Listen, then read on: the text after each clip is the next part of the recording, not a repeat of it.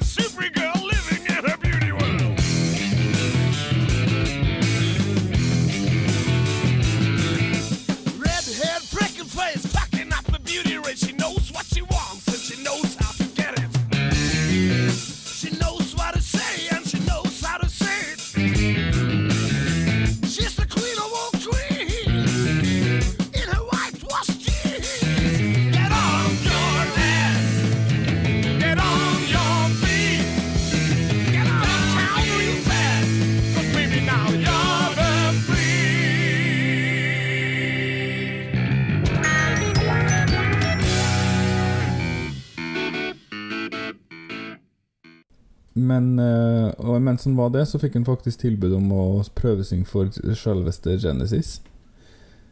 Og det er nå en sånn kjent anekdote fra Musikk-Norge, da, at eh, Jahn Teigen takka nei til Genesis. Fordi han heller ville satse på, uh, på Popular Ace. Ah. Peter Gabriel hadde nettopp gått ut av Genesis, Ja, så han trengte en ny vokalist. jeg kan ingenting om Genesis. De er ikke norske, eller? Nei, de er britiske. Ok. Ja, det hadde jo vært litt kult, det, da. Litt som at Kristian Ingebrigtsen fikk være med i EU1. Eller ikke i det hele tatt som det. Tror jeg kanskje mer vi sier. Ok. Det er som om Det er som om Hvis du tar det eksempelet, og så tar du noe helt annet enn det jeg tenker på noe helt annet. Uh, Ok. Men på den tida her, da ehm, Så debuterte han i Melodi Grand Prix, som skulle bli det store for Jahn Teigen. Eller det som i manges bevissthet er det Jahn Teigen er kjent for. Min, eksempel. Det er der jeg har Ja, Melodi Grand Prix, ja. ja, det er det Ja. jeg forbinder med Jahn Teigen. Jeg Ja. har ikke vært noe særlig interessert i progrock, som er det han drev med ellers på den tida. Oh. Og jeg har heller ikke vært så veldig Jeg må jo innrømme at jeg har ikke vært så veldig investert i Jahn Teigen som artist ellers. Nei, vi er for unge til å huske Primavera, men det var visst hysterisk morsomt, syns NRK. Ja, det tror jeg kanskje ikke jeg ville syntes, men uh, de hadde jo en uh, slags uh, nyskapingsverdi, vil jeg tro. Ja, altså Ja. Nå er det andre gangen at du prøver å styre inn på noe som kommer senere. Jeg tenker bare at for å skape litt balanse, at vi skal bryte det litt opp, så det Så jeg ikke sitter og leser fra det kjempelange arket mitt. Lars leser opp uh, internett. Det er en Lars- podkast. Lars leser Wikipedia. Wikipedia på lydbok. Uh, vi kommer tilbake til alt han gjorde. Ja, det er greit. Jeg bare Nei, kommenterer ikke avbryt meg. Vi kommer tilbake til alt han gjorde i Grand Prix. Sier jeg nå. Ja, Nå kommer vi faktisk okay. til ja, Primavera. Ja, okay, For han greit. gikk ut av Populace i 1977 uh, med middels suksess. Både hjemme og ute. Jeg har hørt om det der Påpol, altså. Ja. Det er fordi han er kjent for å ha vært vokalist der. Okay, De er i. Rockheim og sånn. Ja, Hall of Fame. ja. Uh, Så da gikk han over til å være soloartist, og så gikk han også inn i Primavera, som var en slags humorgruppe som drev med musikk og teater og litt sånn. Og Grønne stillongser hadde de. ja. Er det Herodes Falsk? Ja, det er Tom uh, Mathisen? Mathisen og Herodes Falsk og Jahn Teigen. Ok. Vi hadde en kassett med dem hjemme. Ja, Den den fikk jeg helt sikkert ikke lov til å høre på da jeg var liten, pga. min eh, strenge vestlandsoppdragelse. Ja, mens eh, jeg hadde fri tilgang på kassettspilleren og kassettene fra 78-tallet. Fikk ikke høre på kjempebæsj på lakrislåter heller. Mora mi syntes den var vulgær. Ja, ja, ok. For det er nordmenn som er bra, det er nordmenn som er best. Alltid nordmenn som kan drikke mest og spy vilt på hver eneste fest. Og den kjekke norske mann, han vil vise hva han kan. Han drar ned til Sydens varme land for å vise at han er mann. Hurra for Norge, 17. mai og olje og alt det derre der. Hei. Hurra for Norge som gir til Sverige alt det de har fra før. Hei. Hurra for Norge som kjøper alt skrotet svenskene vil bli kvitt. Hei.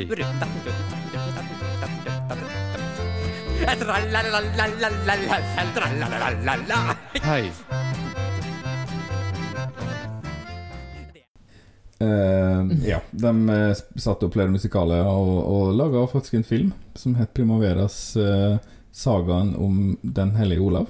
Som var bas eh, Den var vel inspirert veldig av Monty Python sine uh, 'Hellige Gral' og, Ja. og 'Life of Brian' og sånne ting. da Men Det er det som er greia. Ja, Der spilte han faktisk mot sin eh, daværende kjæreste Anita Skorgan i hovedrollen. Apropos teater. Han var med i en operaoppsetning. Han har jo Han hadde jo mye hodeklang. Han hadde en operatisk røst, men det var riktignok en uh, rockeversjon av en uh, opera i, som uh, Wiener Kammeroper satte opp. Ok. Uh, La Bohème av Puccini. Ok, den er fin. Den er bra. Og han var bøddelen i Witch Witch, det vet du kanskje. Nei, det visste jeg ikke. Både i konsertversjonen og i musikalen på West End. Kanskje jeg vagt forbandt med Jahn Teigen. Nå er det en av våre beste venner som blir litt skuffa her. Ja, men uh, musikaler har aldri vært min forte. Nei, men ja, shout-out eh, til vår eh, gode venn um, Witch Witch-eksperten.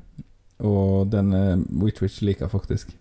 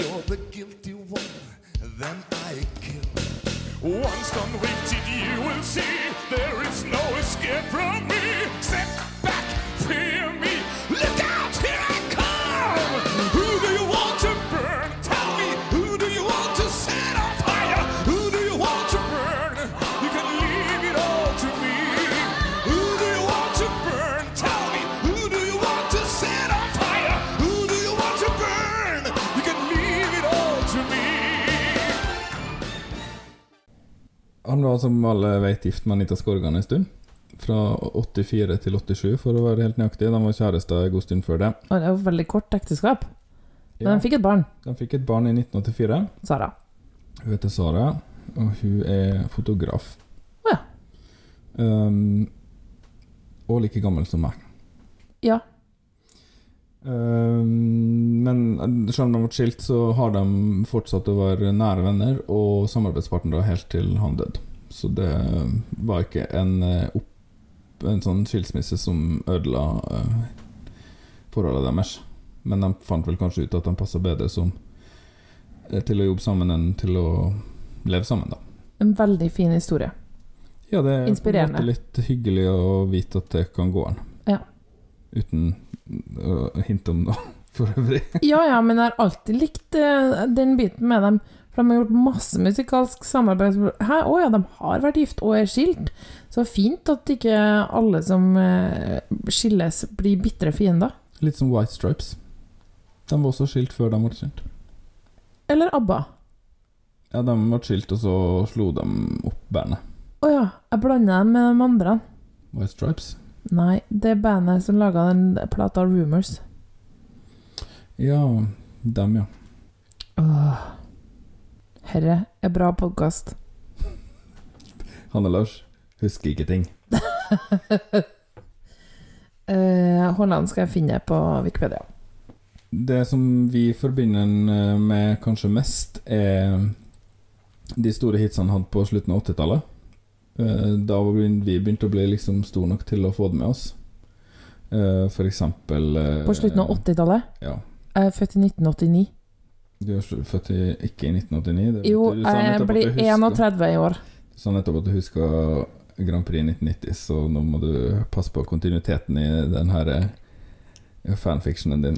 Siden jeg er Eh. yngre enn deg, har jeg nettopp kommet på helt av meg sjøl at det var Fleetwood Mac jeg snakka om.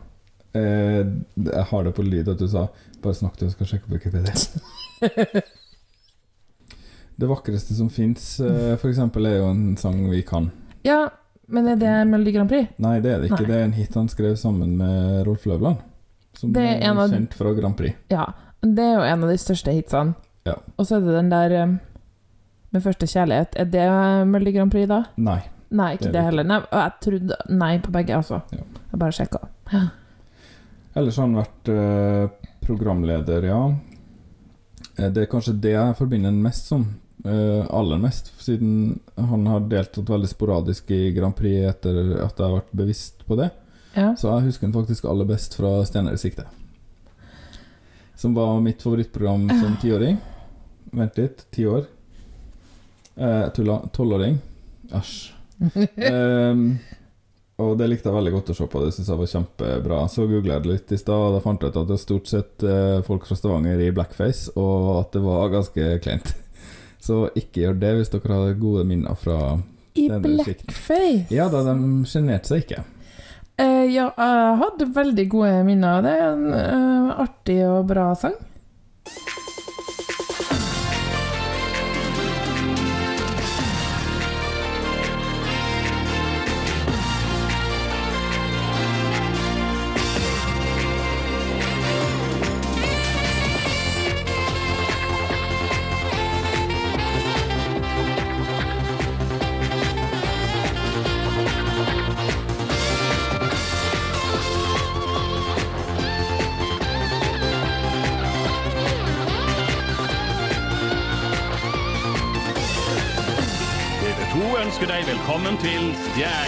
Sikte med programleder Jahn Teigen. Stjerner i sikte, høyt over regnbuen, vil skinne som sola. Med stjerner i sikte, vanlige mennesker, gjør drømmen til virkelighet.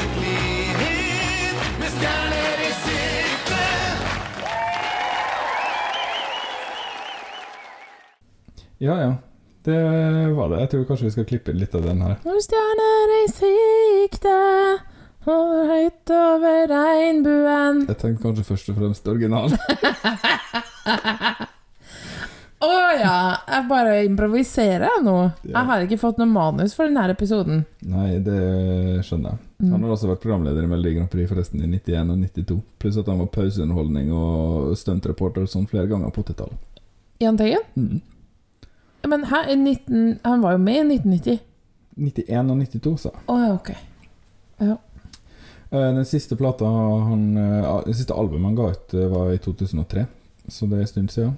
Den heter 'Utkledd som meg selv'. Og så slapp han en singel i 2014 som het 'Til kongen'. Og etter det så slapp han en sang som ikke ble gitt ut som singel. Eh, Så han har ikke vært veldig aktiv de siste årene fordi han har hatt en del helseplager. Og vi vet at han hadde leddgikt hele livet. Og det fører ofte til andre plager med hjerte og kar og sånne ting. Så det kan Det blir jo eh, Jeg er ikke interessert i å spekulere i det, men jeg vet at han har vært plaga med helsa noen år. Jeg tror han har vært det veldig lenge. Jeg husker at mora mi sa det til meg da jeg var lita. Han hadde en veldig sånn nedtur på begynnelsen av 90-tallet med økonomiske problemer med en investering som gikk feil og sånn. Og jeg tror også at han var veldig utslitt da. Han hadde hatt et veldig hektisk og hardt liv. Pluss at han hadde litt sånn personlige problemer og en forlovelse som gikk gjennom og litt sånn. Eh, Men eh, jeg så noen ting om at eh, Jeg tror det var Tom Mathisen nå i dag som han kommenterte, Mm. og sa at han var på besøk der i høst. Eller i fjor sommer, en, en av delene. Og at han, han begge to skjønte at dette varer ikke mange år. Nei. At eh, nå var han veldig syk. Og da er det jo på en måte godt å vite at man slipper å ligge og vente på det uunngåelige lenger. Hvis man har det vondt og har vært syk, så er det kanskje greit å få, få fred. Håper han syntes det. Vi skal gå inn på eh, Grand Prix-historien hans. Som er omfattende, og jeg tenker for et bidrag til norsk på norsk. Ja, han har ikke vært noe ivrig på å synge på engelsk. Han må ha vært Altså, jeg kan ikke så mye om historien til den norske visesjangeren. Viser. Som eh, nordmenn har elska. Vi er altfor alt for unge til det. Ja. Men, eh, men han må jo ha vært eh, veldig sentral. Jeg vet ikke om det, jeg vil kalle det viser, kanskje i den forstand som det var på 70-tallet. Det er vel kanskje mer en slags sånn pop Uh... Nei, jeg tenker mer den der 80-90-tallsvisa. Uh, Men han var flink til å synge på norsk, og han hadde Han viste jo en voldsomt stor sjangerforståelse i veldig mange nyanser. Fra rock til musikaler og, og operatisk musikk til uh, reinspikka gladpop. Ja, og jeg, jeg så gjennom en del videoer i stad Mm. av uh, Melodi Grand Prix-bidragene hans, så uh, det slo meg hvor trygg han uh, er på scenen.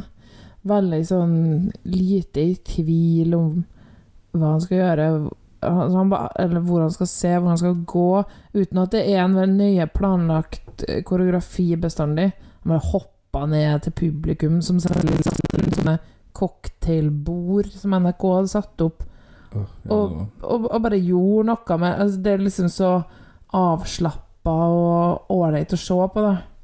Jeg tror nok han likte å showet, og han var jo veldig Han hadde både liksom det humoristiske pluss eh, stemmen, pluss erfaringa, ikke minst, etter hvert.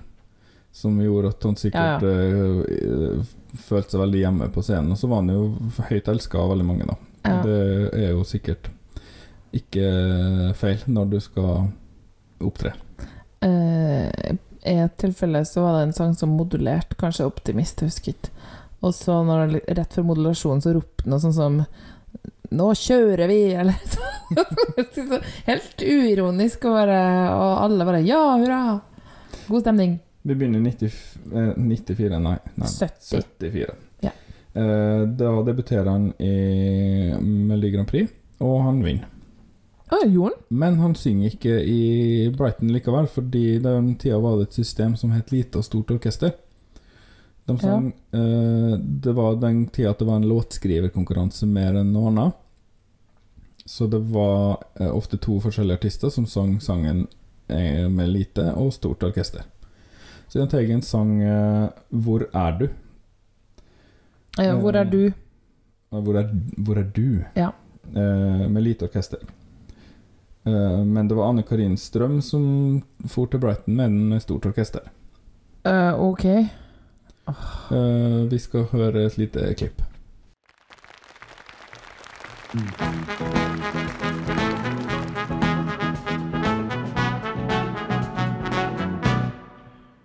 Hvor er du når de ber om din støtte? som snackar så vackert um om fred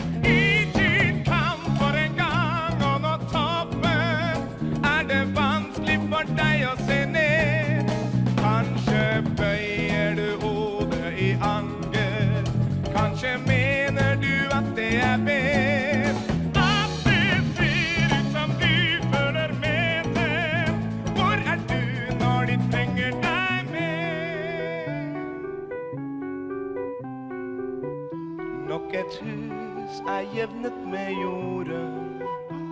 En drøm er begravet i grus. Et skrik stiger opp fra skjeen. Det er vemod i vindens hus. Er det tårer som faller fra himmelen? Som verner fra torden og lyn, og mørket som omfavner verden. Er det det som hindrer ditt syn? Hvor er du når de ber om din støtte? Du som snakker så vakkert om fred.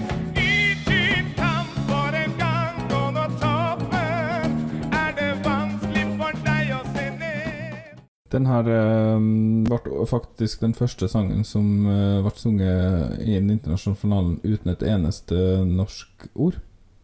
Den ble oversatt til engelsk og het 'The First Day of Love' når Anne Karine Strøm sang den i Brighton. Eh, hva? Ja, det var en periode på 70-tallet at det var lov å synge på det språket man ville. Det ble senere endra på, som vi vet, og så var det vel fram til 98, tror jeg, at man måtte synge på et av de offisielle språkene fra landet man representerte. Ja, Stig van Eijk-året. Ja, Stig van Eijk var den neste. Nei, ja, den første i det moderne æra.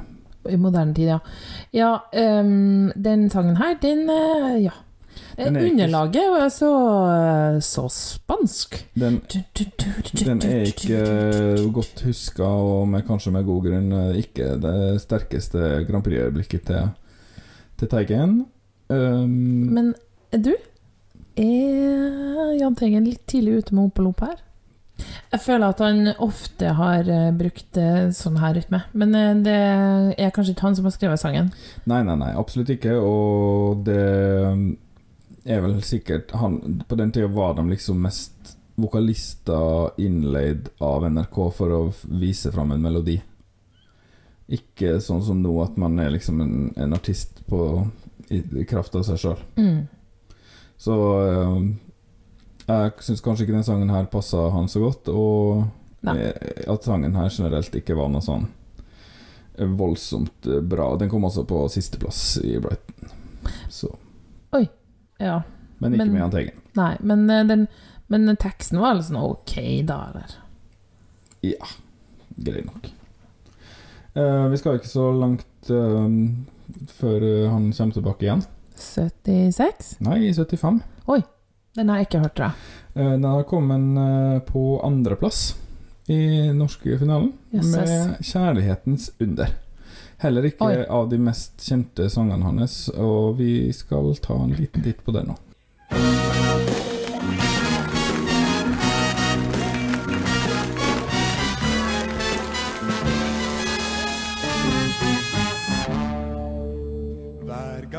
Sovner inn, tenker jeg på henne.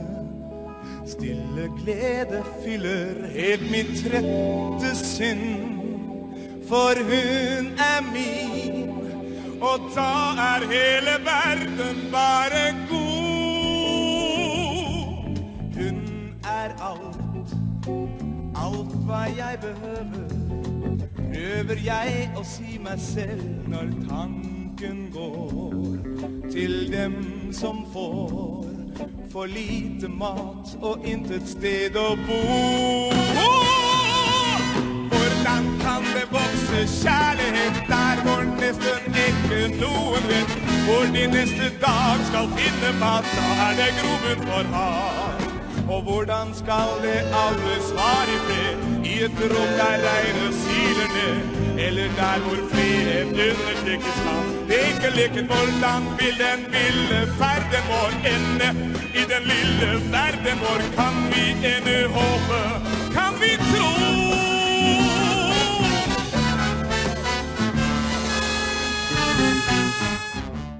Crystal Carrington eh, ringte og lurte på om Jahn Teigen ville låne panneluggen hennes også.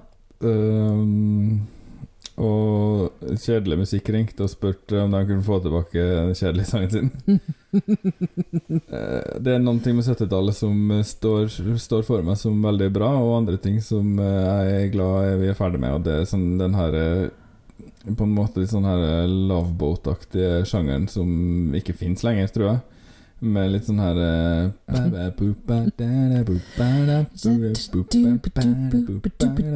Som bare går og går. Det Jeg bare tenkte du kunne snakke opp av Vil du Skulle du være liksom heismusikken? Ja.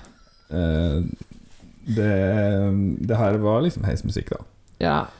Og eh, igjen, da, ikke til forkleinelse for Jahn Teigen på noen måte, men eh, ikke grunn til at det her ikke er best, uh, best huska, kanskje. Nei, en forglemmelig låt, men, men. Vi dveler ikke ved det. For nå skal vi videre til en mer legendarisk en. 76. 76. Eh, da var det Mata Hari som vant. Eh, hun tapte Det var en Karine Strøm igjen, som tapte igjen internasjonalt. Ah. Mm, Men eh, i den eh, norske finalen så opptrådte Jahn Teigen sammen med Inger Lise Rypdal eh, med en sang som mannen til Inger Lise Rypdal hadde skrevet. Oh. Ja. Eh, og det kostymet er vel det som kanskje er mye mer kjent enn sangen, i hvert fall. Det henger jo i alle lekebutikker nå til dags, da, fordi det er et yndet kostyme for små barn. Ja, og det var Men jeg tror det var litt sjokkerende den gangen. Eh, ja, det var det absolutt. Svært sjokkerende. Eh, nå går det jo ikke an å sjokkere noe mer. Mm, Men, på den, men i Jeg har vært sjokkert av det lave nivået i år. Ja, men du blir ikke sjokkert hvis noen viser fram puppen til noen. Nå Nei, det blir du ikke. På den tida her så er det sånn Ah, så heslig det kostymet var! Det var ekkelt! Skjelettkostyme! Wow. Eh, men det funka. De kom, selv om de ikke vant, da, så kom de faktisk på andreplass, så det gikk nesten. Det gikk nesten. Eh, sangen er ikke like minne, eller minneverdig, er den for så vidt, den er litt vanskelig å få tak på, kanskje. Inger Lise Rypdal har sagt at uh, Jahn Teigen var den første hun ble kjent med da hun kom til Oslo, i musikkmiljøet. Og de eh, var veldig gode venner. Hm. Ja, de er sikkert uh, ikke så langt fra hverandre i alder heller. Nei, hun er sikkert yngre, for hun var veldig ung da hun Ja. slo gjennom.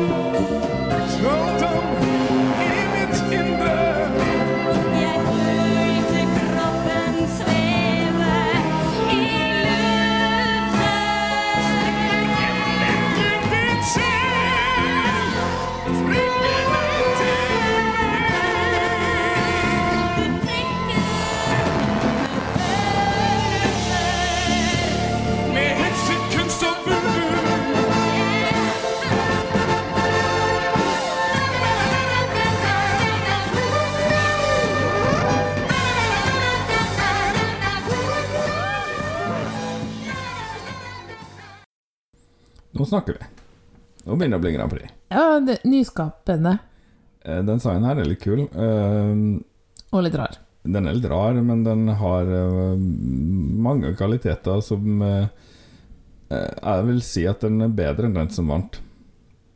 Eh, Mata Hari? Ja. Mm. Den Den her har Den er litt sånn gimmick, kanskje, men Ja, eh, det må jo til, egentlig, da, og til. Og, og Man trenger, bra, man trenger kanskje ikke å være så redd for det i 1976. Bra sunget. Eh, litt, litt sånn sakte i verset, litt sånn opptempo i refrenget. Og Mye sånn på 70-tallet eh, har jeg sett. Eh, sånn der, der refreng og vers nesten ikke hører i hop. Skifter helt stemning. ikke minst et fantastisk kostyme. Absolutt. Eh, det var, jeg har ikke sett det før, men at det på innsida av gullkappa hans er det sånne ekle voodoo-symbol, og han bruker fingrene sine, som allerede bærer preg av eh, leddgikter, til å liksom heve det enda litt, da. Det blir litt sånn skjelettisk. Ja, han er jo på en måte Han er jo så tynn og kantete at man, eh, han, han minner jo på en måte litt om et skjelett sjøl. Ja. Så det Nei, er, eh, nå, nå, begynner det, nå begynner det liksom å vise seg at eh, vi snakker om en som kan bli legendarisk. Men jeg syns ikke det er en bra sang. Bare litt, litt kul. Ja, jeg setter jo ikke på, kanskje, men, men det er jo Det er jo bra. På 70-tallsmåten. Ja. 70-tallsbra. Vi går videre til, til neste. Ok? Vi går videre til eh, Jahn Teigens store, store, store Grand Prix-sang. Den kom eh, selvfølgelig i 1978 og het Mil etter mil. Å, ikke smil? Smil etter smil. Uh, nei, Smil. Den store Grand Prix-låta til Jahn Teigen. Uh, har han hatt en som heter det? Ja, i 1990. Ja, okay. Den, eh, det har jeg researcha, selvfølgelig, men jeg husker ikke det i farten. Smil etter smil eh, hadde jo vært koselig, da. Men Mil etter mil, eh, den har jeg hørt om, ja. den har vel alle hørt om. Mm. 1978. 1978, den vant eh, Grand Prix. Um, og ble altså den aller første nullpoengeren etter det systemet som vi enda bruker. Å ja. Som ble innført i 1975. Ja, det er sånn. eh, Den aller første i, i Eurovision. Ja. Åh, Og han ble veldig berømt for den null nullpoeng-episoden. Eh, og det ble en kjempehit i Norge. Den lå 19 uker på VG-lista. Fem uker på rad på førsteplass. Jeg syns det er veldig rart at den gjorde det så dårlig. Det syns jeg òg, for den er veldig fengende. Den er det, og den har et ålreit budskap. Og, altså det, jeg regner med at de snakka om det da òg, selv om folk ikke skjønner norsk. Ja, de, de satt vel sikkert i kommentatorboksene og, og forklarte hva det handla om, når, de- når de sang på et språk som ingen forsto. Ja. Uh, men det var jo juryer som avgjorde det, og det gikk ikke hjem. Det var en triste greier. Men det var, ble eh, veldig positivt for Jahn Teigen, det der, for han fikk veldig mye publisitet, og det var mange som syntes det var rart og urettferdig. Og han ble egentlig en superkjendis av hele greia. Og når England fikk eh, null poeng, da eh, intervjua de Jahn Teigen på engelsk eh, radio for å få tips til hvordan man kan takle en slik eh, en nullpoenger. Eh. Selvfølgelig er det mye verre å få null poeng nå enn det var da, og mye vanskeligere. Ja. Vi hører på Mil etter mil, selv om det knappest trenger noen videre presentasjon. Ja. of three girls, three blonde girls in black for Jan Teigen and the Norwegian entry.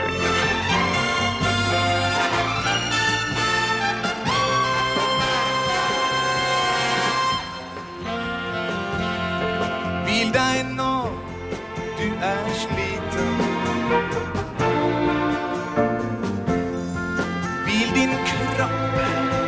Din kraft ebber ut. Vann pipler inn i dine sko.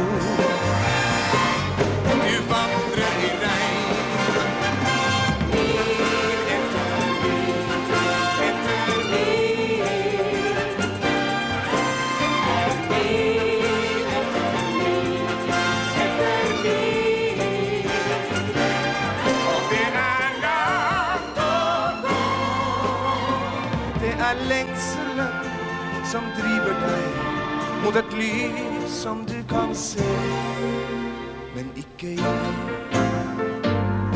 Søk mot meg hvis du lengter. Rett ditt sinn mot et annet sted. Kom hit hvor Ja, og siden sist har Jahn Teigen klippet håret. Ja, Det var han- en god avgjørelse. Ja, det var det, og han øh, hadde øh, søte, artige klær på, og vanlig med litt sånn showete bukseselestil. Slips og solbriller. er Ingen øh, grunn til at det her skulle få null poeng, spør du meg. Rart. Alt det andre må ha vært utrolig bra. Jeg tror kanskje at Jeg tror kanskje at det var kanskje litt sånn styrelse, hele greia. Siden han kanskje ikke ville vunnet med den sangen, så var det kanskje bra at han fikk null poeng. En styrelse. Ja, liksom skjebnens øh, et, et skjebnens lykketreff. Å ja. Det er det du mener? Eh, for det gjorde at han øh, fikk en nedslagskraft som en tredje sisteplass ikke ville gitt den. Nei, det er nå sikkert rett. Eh, hvem vant? Eh, det var uh, Israel? Abani Bi. Ja. Mm. Hadde lyst til å si Israel. Eh, han tar en eh, kort pause og kommer tilbake i Melodi Grand Prix i 1980 Ja. med eh, sangen Ja. Ja. Mm, Det, men alle andre sa nei, og den kom på sisteplass I Norge? i Norge. Ah. Og har vel mer eller mindre blitt glemt, annet enn av dem som eh, har Eller investerer tid i Jahn Teigen, da, mer enn gjennomsnittet. Men vi skal ta en liten titt på den likevel. Ja. Det føles det spesielt hver gang jeg sier ja. That's my name, don't wear it out, sier den sangen her.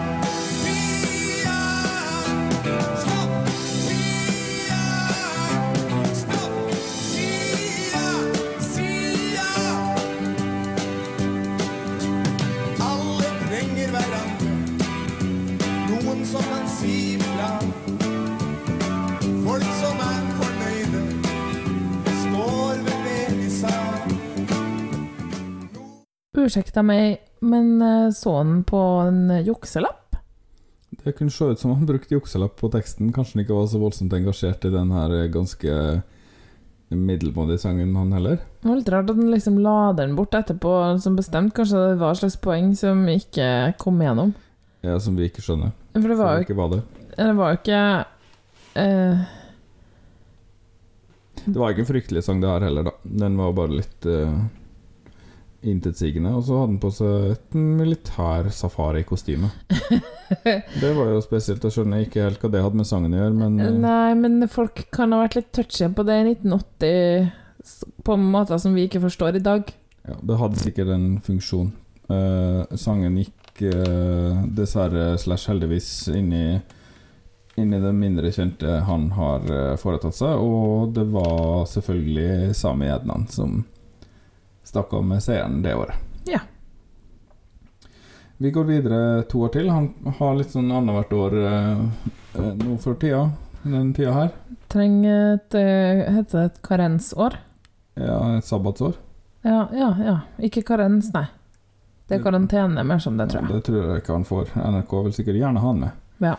Eh, da kommer han tilbake sammen med sin eh, vakre unge kjæreste Anita Skorgan. Ja. Og De eh, synger sangen 'Adjø', som er en av mine personlige favoritter da, av Jahn Teigen sine. Den øh, er fin. Den eh, vinner Melodi Grand Prix, og gjør det greit internasjonalt også. Eh, den kommer på tolvteplass av eh, 18 bidrag, så sånn Kanskje hans beste prestasjon i Eurovision, eller? Det er det ikke. Å nei, han gjør det bedre siden. Ok. Det gjør han. Ja.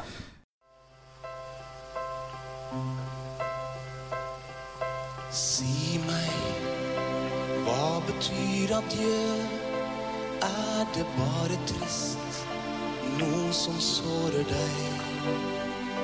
Tro meg, vi kan ta adjø, ikke sånn som sist, da jeg gikk fra deg. Jeg vil alltid huske deg som en venn. Om vi aldri mer ses igjen. Vi har våre minner. De vil aldri dø. Nå er tiden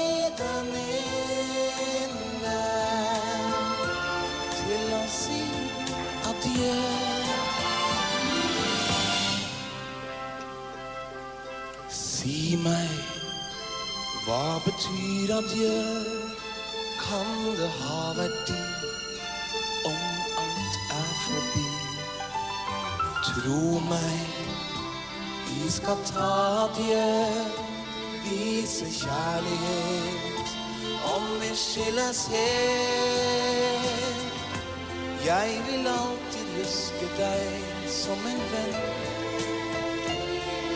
Vi aldri mer ses igjen. Vi har våre minner. Vi vil Her er Jahn Teigen på sitt eh, beste, spør du meg. Ikke så mye sånn showing, ikke så mye sånn eh, roping og hoiing. Eh, det er vel kanskje det jeg har minst sansen for. Ja, det går jo igjen i livet, det, ja. Men det, det Det er ikke sant. så veldig overraskende at du likte en ballade aller best. Nei, og han her viser han at han har en, en god, eh, god sangstemme også til eh, mer eh, vare ting. Ja da. Den, Den er- flott den sang. er fin. En veldig fin sang. Blir litt, nesten litt vemodig når jeg hører den i dag. Jeg tenker eh, at Eller jeg blir også det. Litt sånn trist, for jeg lurer på om hun kanskje egentlig på en måte hørte sammen, da. Men jeg er en veldig sånn sucker for uh, uh, sjelevenn-romantikk. Ikke så rart, siden vi har et sånn, sånt forhold, vi to. Jeg og du, ja, vi var på sånn will they, won't they-greier lenge, og nå er det mer sånn eh, Selv om vi er på forskjellige steder, så er vi sammen. Nå er vi mer sånn happily ever after-fasen av livet. Ja, det vil jeg si. det vil jeg helt Absolutt helt klart si. Eh, I 83 gjør Jahn Teigen det beste han har gjort i, i Grand Prix. Eh, Hvis du spør eh, Norge og Europa. For da, da er det som- optimist. Da kommer Doremi. Doremi! Og- Oi! Den har du glemt litt. Nei, det, jeg bare trodde ikke at det var den som hadde gjort det best, fordi jeg syns kanskje ikke den er så veldig Jeg syns den er fin. bra. Og eh, det syns eh, Norge og Europa også, ja. Som sagt, han kom på niendeplass internasjonalt. Uh, ikke helt i toppsjiktet. De pleide å være sånn 18-20 land på den tida, men uh, over midten, da. Og i Jahn Teigensk målestokk i Eurovision så var det veldig bra. Norge har jo fortsatt ikke vunnet på denne tida, så Nei. Og vi har begynt å bli litt kjent som et sisteplassland. Åh. Allerede da. Et stempel vi fremdeles sliter med å riste av oss. ja. Takk til Eh. svenskene for det, fordi de pleier også å si 'Å, Norge, ni får Ni vet ikke hvordan man gjør'. Pleier de å si det? Jeg må innrømme at jeg aldri har hørt det, men det Ja, ja. Men det har jeg hørt at de sier på SVT1 hele tida. Dore Doremi er eh, en ganske enkel liten sak. Som, eh, men han hadde en veldig skala, kjent- ja, det hadde en veldig kjent kordame på den sangen. Eh, Ja. Jeg vet ikke om det var. Det vet jeg at du vet, for det sa du i stad. Ja. Anita Skorgan.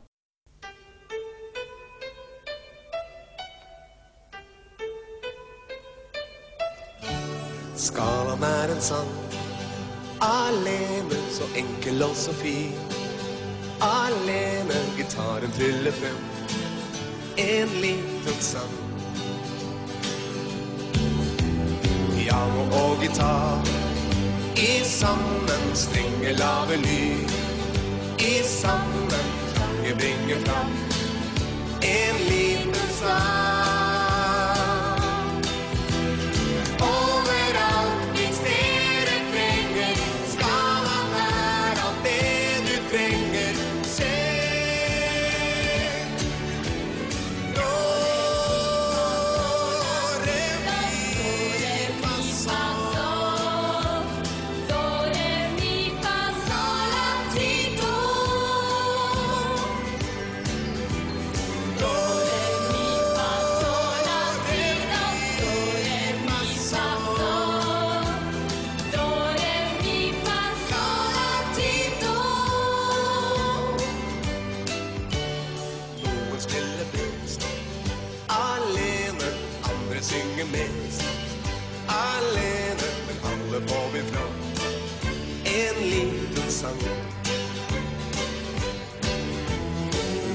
Oss med i sammen, vi skal få det til.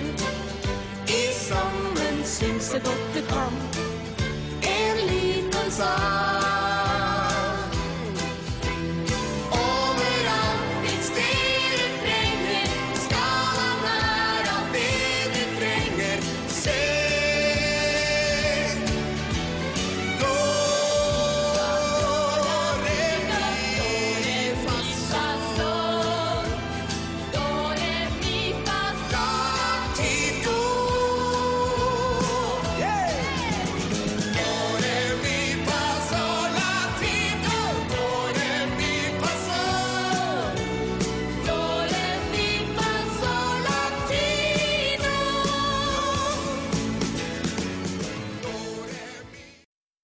I et land der uh, solfège-metoden absolutt ikke har fotfeste, var det altså den her som uh, vant.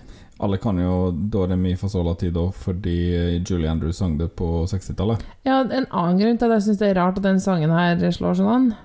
Den forrige sangen eh, med Jahn Teigen var jo tydelig en rip-off av eh, Beatles. 'She Loves You Yeah Yeah'. Eh, og nå er det Men du, ja. Ikke adjø. Ja, å ja. Eh, Ja, ja, ja.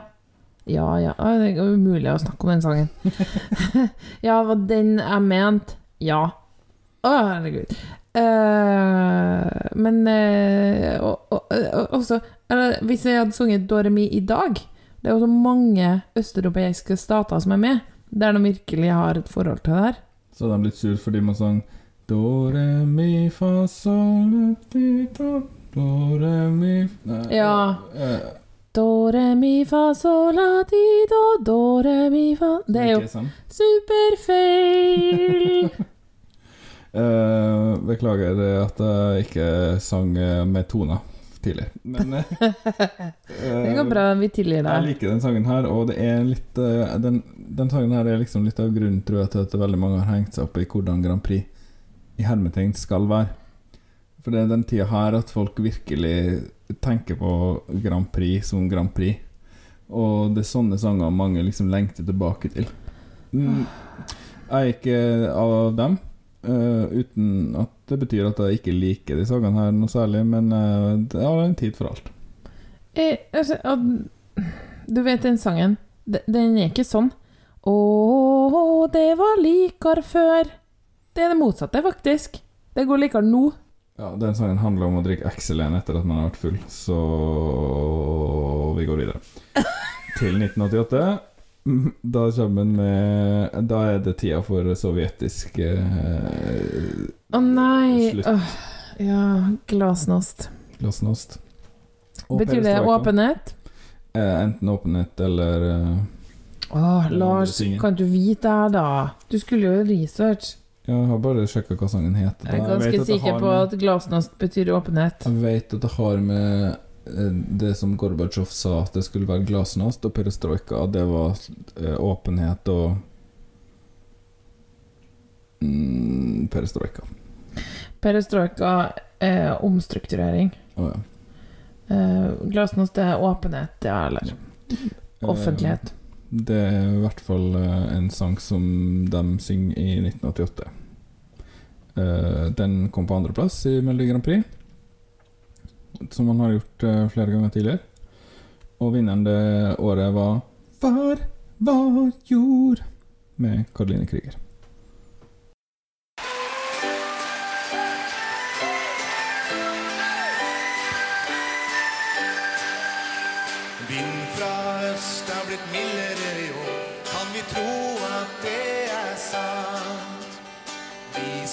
Satt her uten håp i går, de møttes og de vant.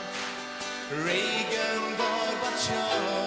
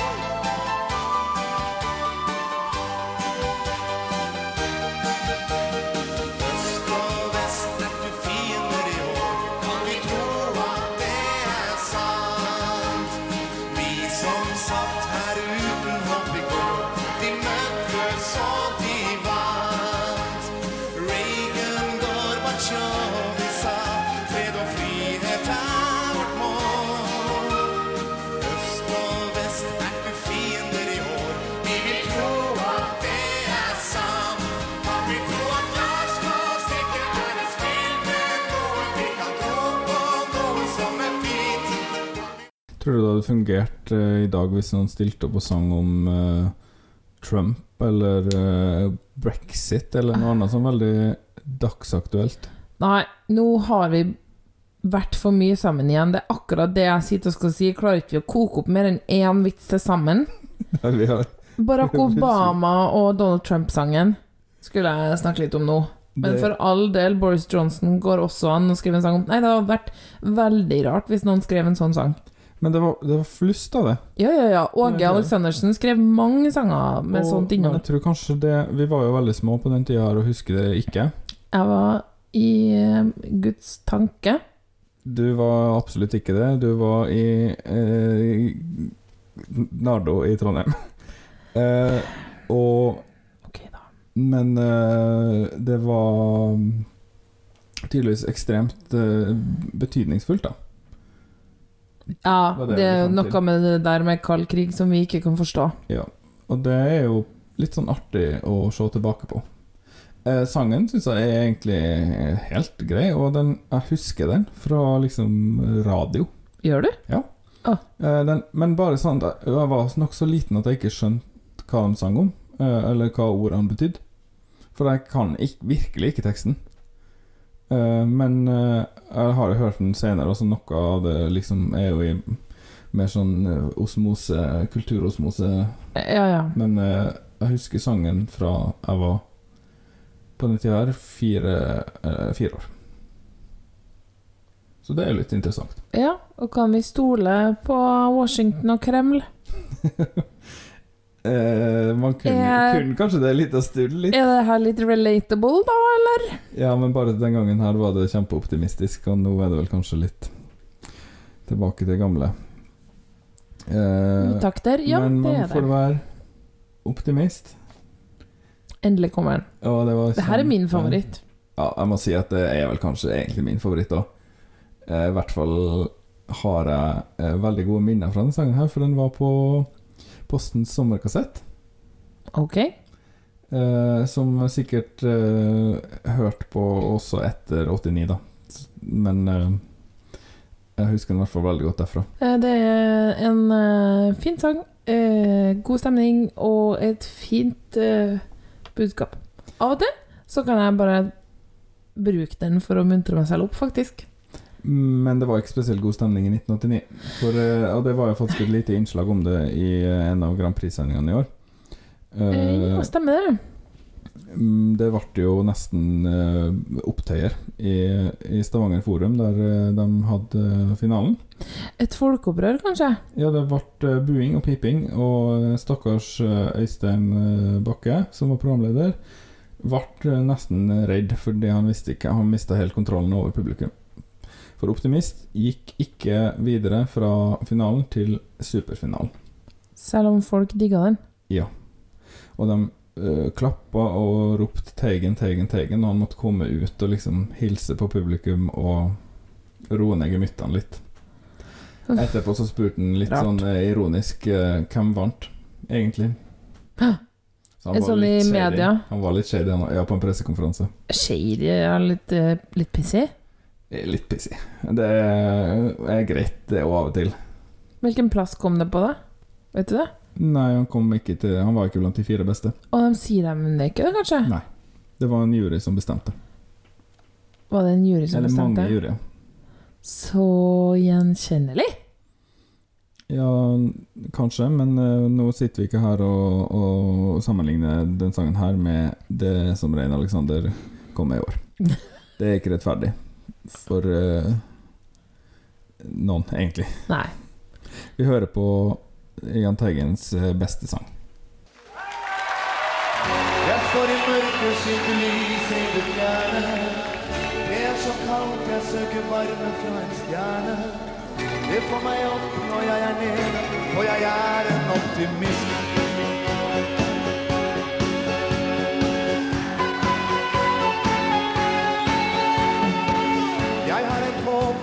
Jeg går omkring i blinde. Det fins en sol i øst som snart skal begynne å skinne. Den får meg opp når jeg er nede, om og om og om igjen.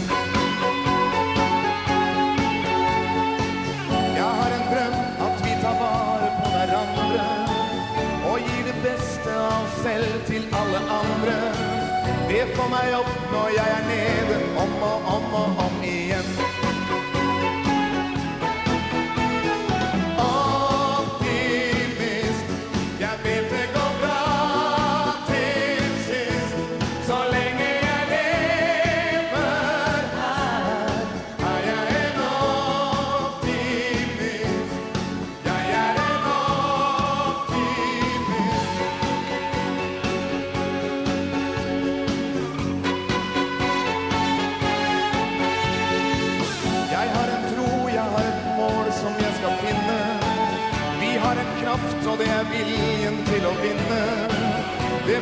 Opp når vi er nede, om og om og om igjen. Til at livet blir en dans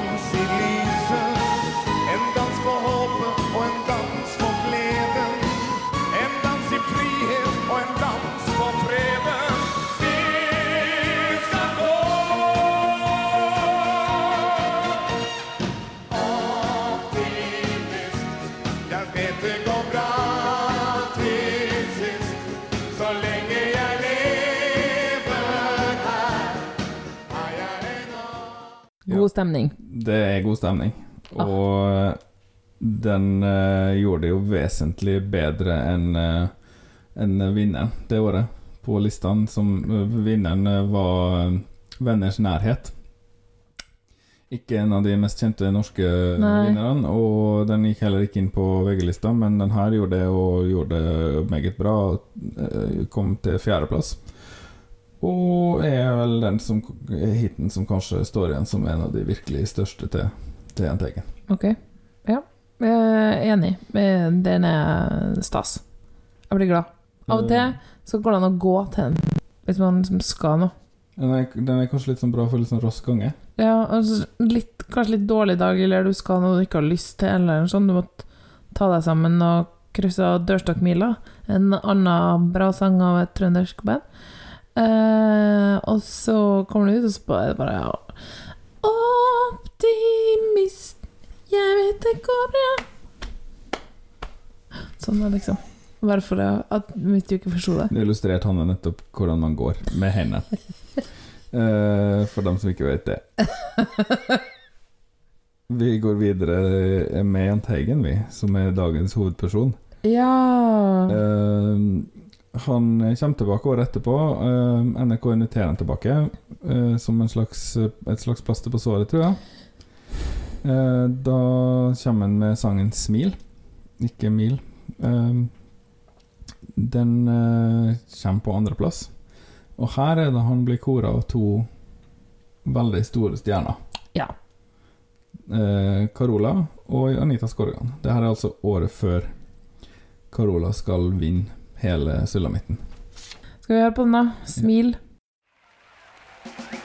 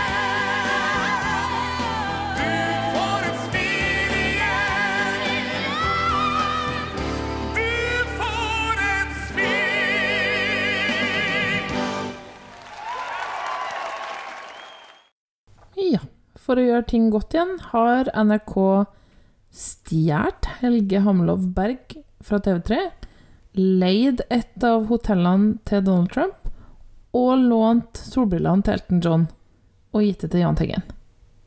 Ja, det var ganske Her er det jo eh, eh, sen 80-tallsestetikk eh, så det holder, for å si det sånn. Ja, gulldress på gullgulv.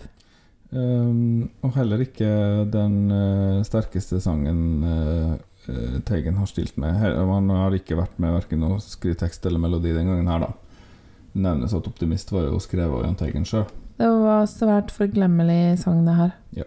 Men den kom altså på, på andreplass, og, og ble, ble kora av to store stjerner. Ja, Kult, det. Litt sånn bortkasta talent på alle tre, spør du meg her. Men eh, det hører jo til historien, det òg. Ja. Det var Brandenburger som ble året her. Apropos storpolitikk-sang. Jeg har eh, akkurat hatt en elev som har spilt en førsteårsaspiranter på klarinett. Mm. Det kan jeg tenke meg ikke var spesielt fint. Det var veldig fint. De er ordentlig flinke. Ja, bare hold snavla di. Eh, så går det tre år før han kommer tilbake. Eh, til en av de kleineste eh, norske finalene som har vært, eh, egentlig. Det var det året NRK tvang alle publikummere til å kle seg ut som om det var 20-tallet. I 1993. To helt eh, inkompatible motebilder, for å si det mildt. Og et svært moteinkompetent år på mange måter.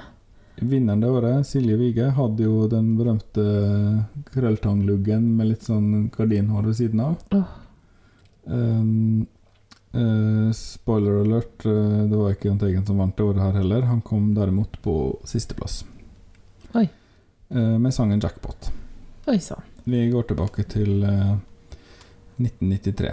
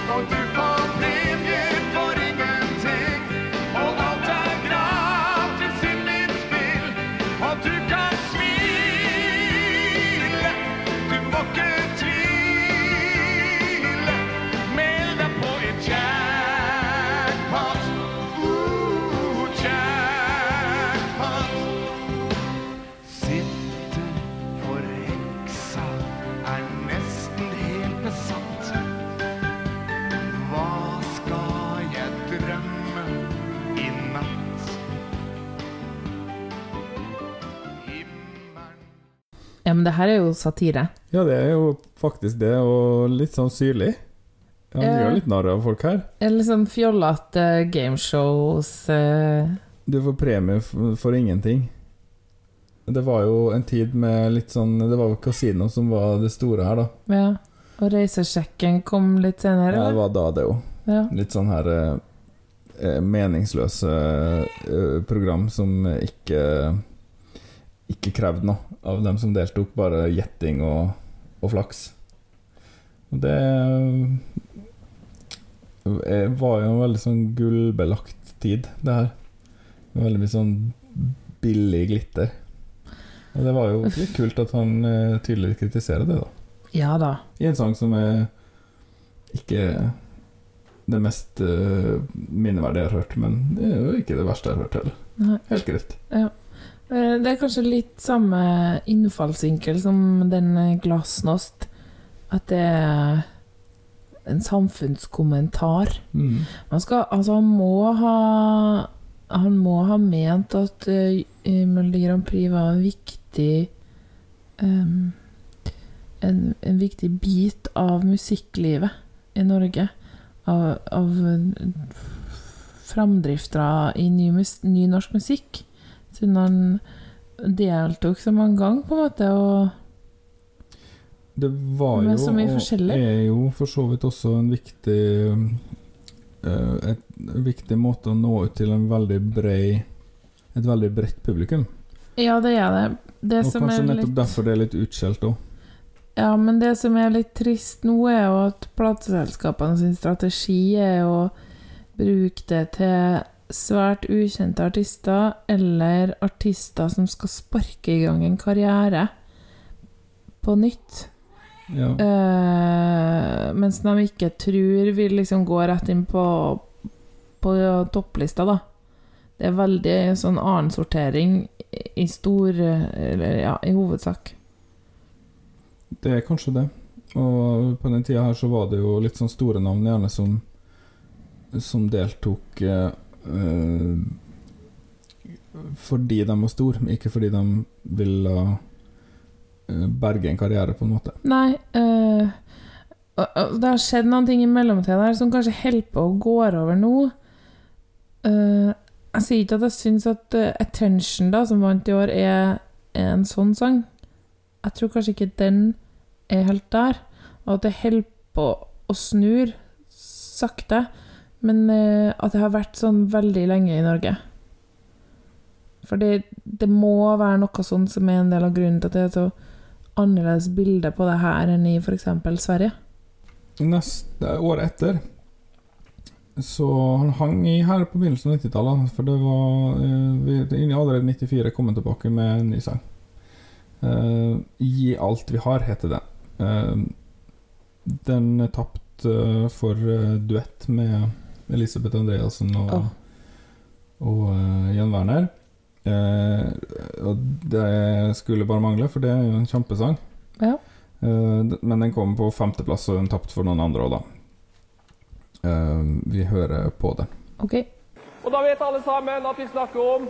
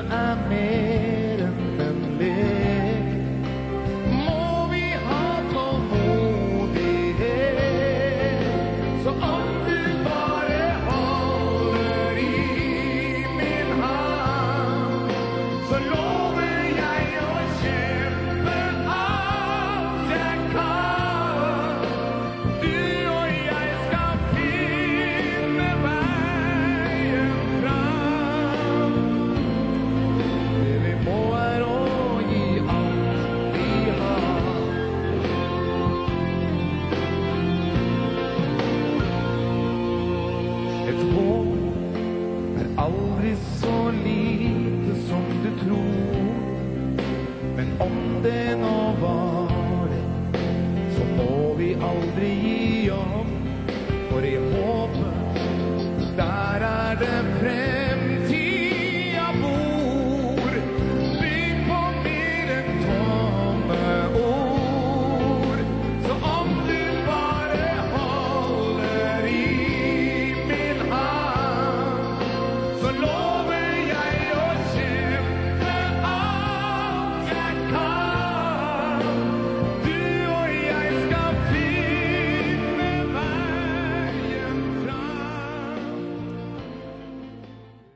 Litt mer sånn dusinvareballade den gangen her. Ja, Men Kanskje. eh, skrevet av en eh, sunnmøring, da. OK. En Geir Rønning som står bak den sangen her. For alles kjære finsk-sunnmørske eh, Grand Prix-stjerne. Eh, vi går raskt videre, for eh, det her var vel eh, noe av det svakeste, mener jeg, som Teigen har kommet med. Ja, Men han veldig oser jo profesjonalitet da, på videoen. Ja, ja, ja, bare Åh, han kan det her nå. Det er sånn Ja, Så man det føler liksom ikke på noe frykt for uh, For at det ikke blir levert det som skal leveres. Nei, og han og publikum digger det. Men da tar vi og går videre til eh, en mer minneverdig eh, opptreden. Sammen med Ser du begynner å dra ut det her. Er det mange igjen, eller? Nei, nå er det bare to igjen. Ja. Eh, I 96 så stilte han sammen med Øystein Vik som var en tenor. Og Opera Øysteinvik. Opera Øysteinvik. De har vært venner i mange år. De eh, opptrådte som eh, to tenorer og sang Ariel i en av de dårligst eh, produserte norske finalene noen gang. Det året de skulle spare alle pengene til Unnskyld meg å arrangere det i Oslo. Unnskyld meg uh... Ja, vi snakker om vedskidefinalen.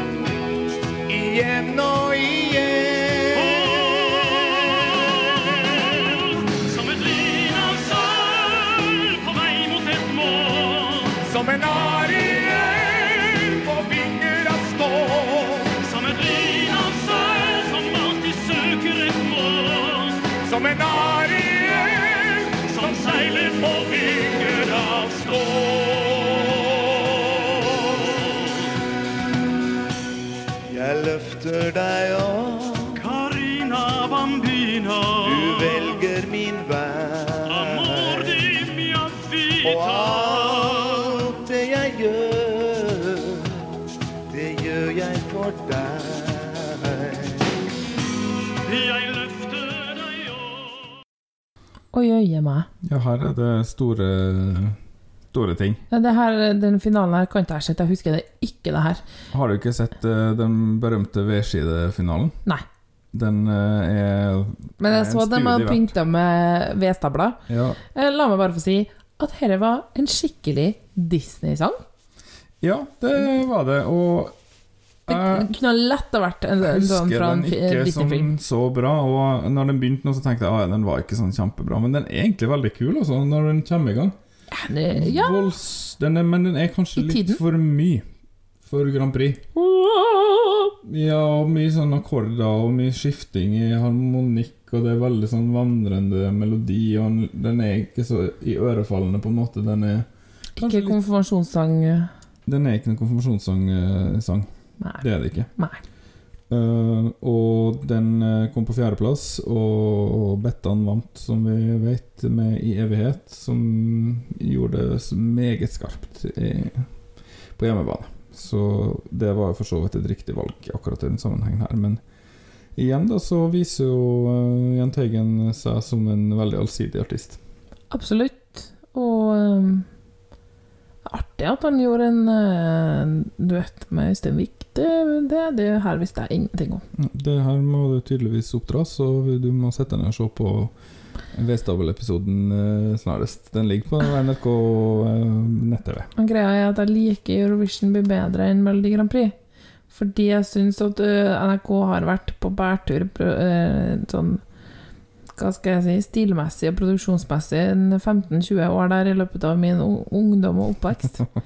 Det har blitt mye bedre, altså. Det har blitt bedre. Vi skal til den siste eh, Grand Prix-sangen til Jahn Teigen. Det var faktisk hele ni år etterpå.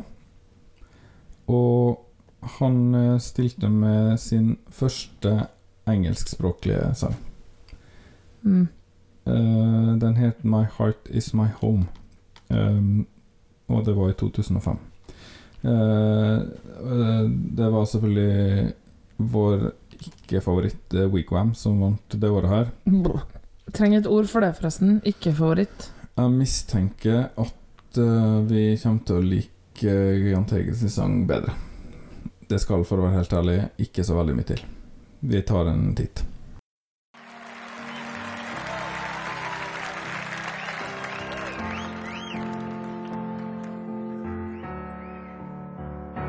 I wanna break out this endless routine. If you're still like me, sure you know what I mean. I wanna break in, stop starting my hate, stop digging the dirt, become aware of my fate, be one with the world, the birds and the fish, chasing the pearl. This is my wish. I can hear my soul whisper when I'm all on my own. It's telling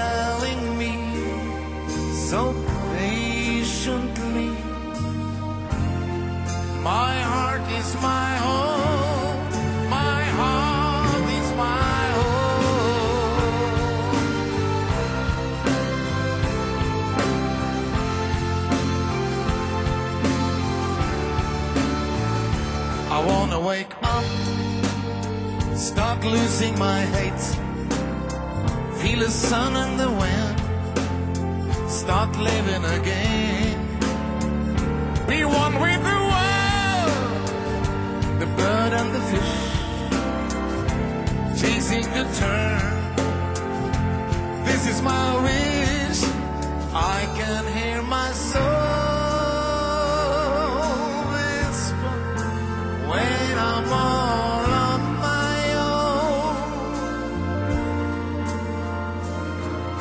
It's telling me so patiently.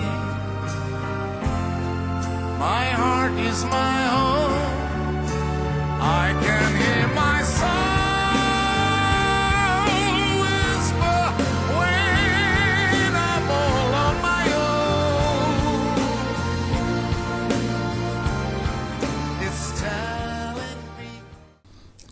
skal Lars si at han syns det var fin akkordprogresjon i denne sangen her. Nei, jeg skulle si at uh, uh, man hører at Anita Skorgan har vært med å uh, eh, skrive den sangen her. Men ja, den har en fin akkordprogresjon. Det, jeg syns det er en ganske fin liten sak, der, egentlig. Den er litt sånn bittersøt, nesten, at det ble den siste sangen som han sang i Grand Prix. Det er mange år siden, for all del. Høres ut som det var liksom en slags sånn Jeg vil ikke få det til å høres ut som det var liksom det siste han gjorde. Det var det jo ikke. Men eh, eh, for så vidt en, en grei måte å gå ut på, og en eh, litt sånn bittersøt eh, sak. Ja. Eh, Nå når vi har sett det kronologisk, mm. så er det jo ganske tydelig hvor fort han elles, og hvor Altså, du ser jo at han er syk her. Ja, han har jo Hendene hans er veldig spesielle.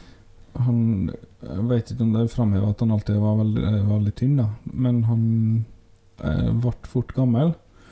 Og jeg tror nok han hadde en del eh, plager. Det er en trasig sykdom. Og Ofte så lever man jo med det fra man er tenåring, og vet at det kommer til å. Å ha alvorlig leddgikt er um, veldig smertefullt uh, hele livet, og det er nok uh, Det tærer nok både på kropp og sjel. Så sånn sett så har han jo sikkert hatt sitt å stri med.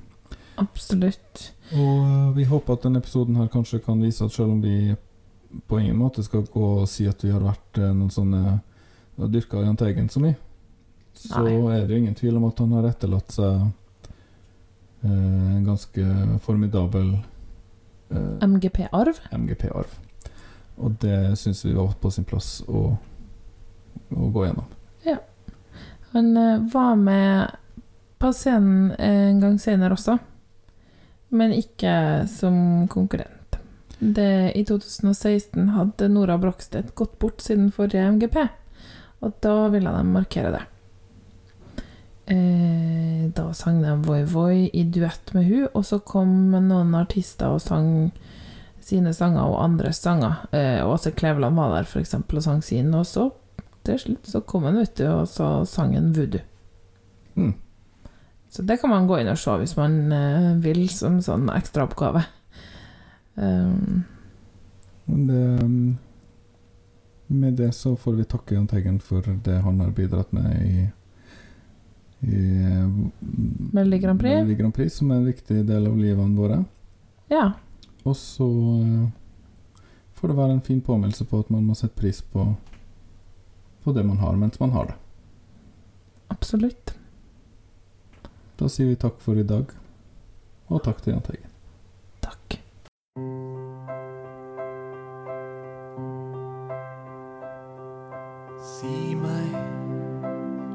Betyr adjø?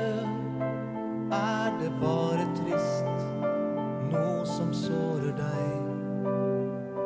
Tro meg, vi skal ta adjø, ikke sånn som sist, da jeg gikk fra deg.